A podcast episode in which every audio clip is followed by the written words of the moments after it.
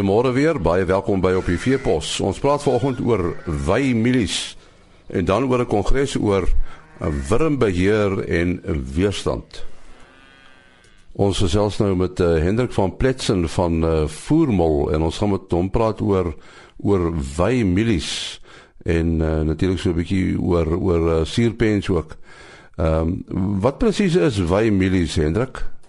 Ja, en die hele beginsel rondom wymielies en dis 'n baie ou praktyk. Die praktyk is so oud as wat skaapboere in die Hoëveld begin mielies plant het. So dis so 'n ou praktyk as in die 50er jare van die vorige eeu. Dit is wanneer boere al reeds begin het om uh mielies by met skape. Ek self het navorsing gedoen in 1980 het ek begin om navorsing te doen maar net om 'n paar norme te kry, draagkragnorme en wat se produksie moontlik is. Nou in kort is dit eintlik in wese 'n lae koste voerkraal. Wat ons normaalweg doen as ons diere afrond, mielie, mielie is die beste energiebron om 'n dier af te rond vir die mark. En die normale proses is dat mens mielies nou gaan oes, jy stroop hom, jy ry hom uit die land uit, jy berg hom op, jy meng hom met 'n konsentraat en jy voer hom weer terug aan skape in 'n voerkraal.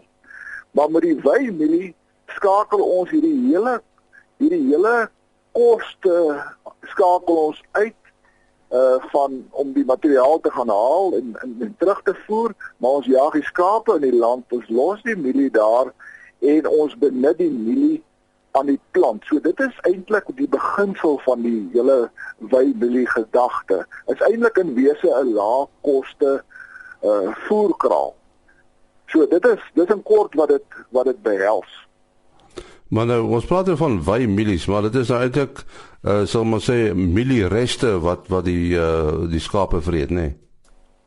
Nee nee, in nee, in hierdie geval die wy mielie is die land is glad nie geoes nie, die graan is daar, dit is nie mielie reste nie. En wat ons nou kry is dat die skape wy die mielie, hy wy die graan van die kop af, soos wat dit op die mielieland staan. Nou uit die aard dring dit ook daar vir hele paar bestuursprobleme. Skape moet aangepas word op die mielies. Want skape wat nou direk van die veld af kom en jy jaag hom ewe skielik in so 'n mielieland aan en hy ken mielie dan dan dan dan ooreet hy hom en jy kry jy kan geweldige skade kry as gevolg van so wat jy genoem het rome rome acidose of suurpes. Die groot hoeveelheid graan wat hy inneem veroorsaak dat die pH vinnig daal en uh, jy kry die tipiese suurpens simptome. Hulle raak styf hulle loop moeilik in hulle voorlyf en uh, en ek bin in indien uh, indien jy nie baie vinnig help nie kan hy kan jy grootskaalse verliese kry. So wat ons wat ons doen om dit te beheer of te voorkom ek het 'n produk ontwikkel met die naam van Voermol Landelek. Binne in Landelek is daar verskillende buffers wat suurpens verhoed. Daar's ook 'n redelike gehalte hoeveelheid uh, goeie proteïen by want ons weet die proteïen inhoud van mielies is marginaal vir speenlammers of oeye met lammers. En uh, dan is daar ook die minerale spoorminerale is ook gebalanseerd in die produk.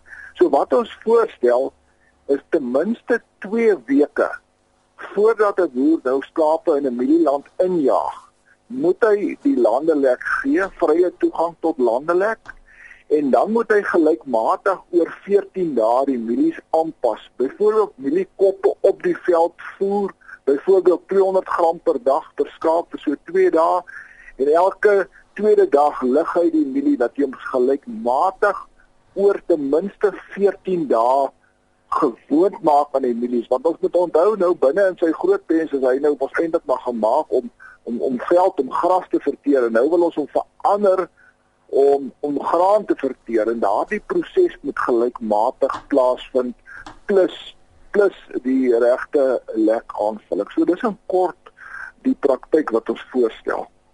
Nou, hoe sal 'n mens bepaal hoe winsgewend uh, hierdie soort van stelsel op 'n plaas is? Ja. Kyk die huidige somme as ons soos wat dit nou is en en Mei begin Junie as ons vandag kyk na na na na landpryse wat 'n soorlam se prys is en die karkaspryse. Ons neem wolproduksie in ag want uh, op daardie wy milies produseer 'n lam 'n goeie hoeveelheid wol as ons praat van 'n dubbeldoel ras. Sou jy daardie milies deur speenlammers bemark in die ideale lam om so wy milie te benut vir rondom 30 kg sou jy in daai land injaag dan vat dit ongeveer 110 kg milies om hom af te rond. En sê nou maar jy slag hom byvoorbeeld by 50 kg lewendige gewig, en 'n slag normaalweg slag daai lammer so 47% uit.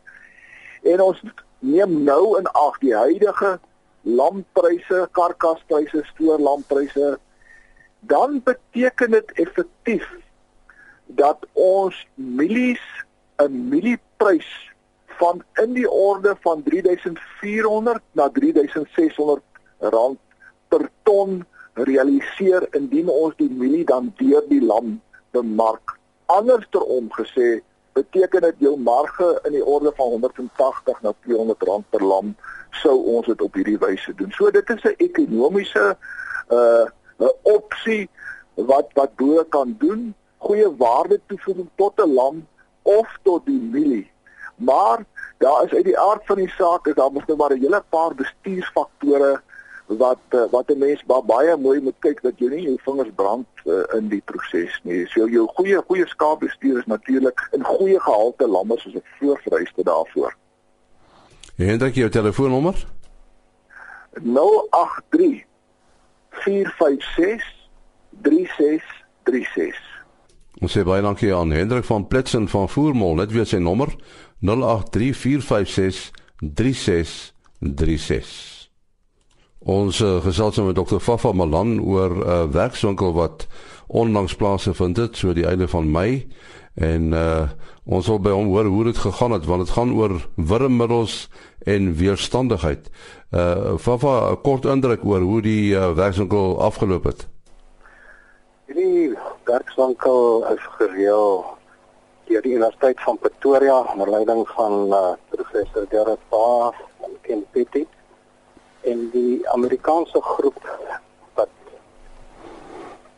navorsing doen en kyk na alternatiewe metodes om interne parasiete en veral haarworm wat 'n groot probleem in Amerika is te beheer het ons kom besoek. Hulle elke jaar 'n werkswinkel in verskillende dele van die wêreld. Daar was verteenwoordigers veral van Georgia en Minnesota en dan ook van uh in Frankryk en hulle het vir ons eintlik resultate kom gee wat hulle gedoen het met die gebruik van Armand Lucerne Serisia lespedise en Hendrik Botha wat ook daar onder in Matatiel boere het ook 'n voordrag gegee wat al lank met hierdie plant gewas bedoelig is om te help om die getal worms af te bring. Hierdie plant bevat tannine wat dit vir die regte kultivar wees en baie baie positiewe resultate. En dan het hulle ook gepraat oor die stelsel wat hulle gevalideer het. Uh ons het daar vir professor Ray Kaplan wat eintlik die leier is van hierdie groep en hulle het dan ook al 40000 boere in Amerika opgelei van kaarte voorsien en dan opleiding gegee oor hierdie stelsel wat ons baie trots maak dat dit uit Amerika uitkom. En dan het uh, professor Baas ook die 5-punt plan wat nou 'n bietjie uitgebrei is van die Stammatse stelsel. Het hy dan ook uh, vir die boere resultate gegee. Daar was boere ook teenwoordig, daar was mense van die staat en dan ook van die farmaseutiese maatskappye en dan ook ons besoekers. En, en veeartse? Baie veeartse wat dit ook bygewoon het. En uh gee ons net bevestiging dat ons begin het. Ons het dan ook vir uh die veearts daar van uh Queenstown, uh, Helen Fisher wat ook resultate getoon het oor die genetiese seleksie van weerstandige uh, uh, skape.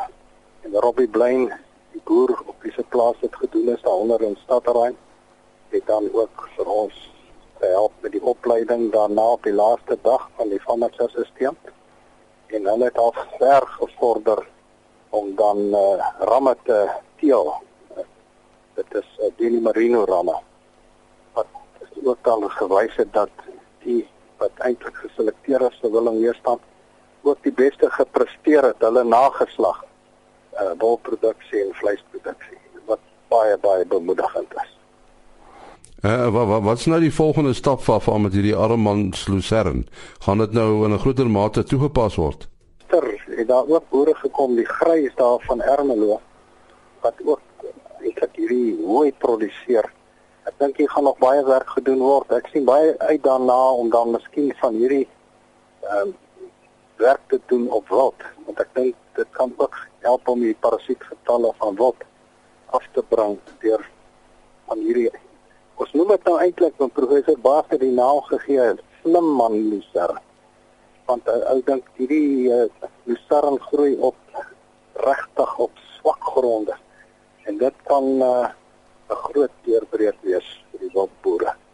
Ons wil kyk miskien om oor die nasionale toptuin en eintlik die dieretuin in Pretoria te begin om te kyk of ons hierdie uh, Lucer miskien op hulle inkorporeer en dit ook vir die en te begin met die swartpense want hulle het groot probleme hier in die dieretuin om die parasiete te beheer. So sou hierdie ehm um, tannin dan in die armans lucern sal dit nou die plek neem van die ander bestaande middels.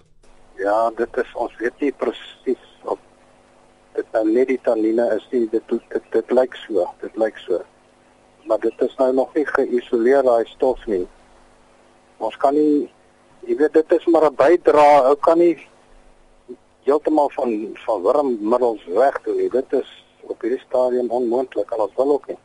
Ons wil die gebruik daarvan beperk sodat eh uh, ander die weerstand wat ontwikkel van die parasiete. Ons het nou nuwe wurmmiddels en daar's nou alweer weerstand teen hierdie wurmmiddels ook. So ons moet kyk na alle moontlike alternatiewe.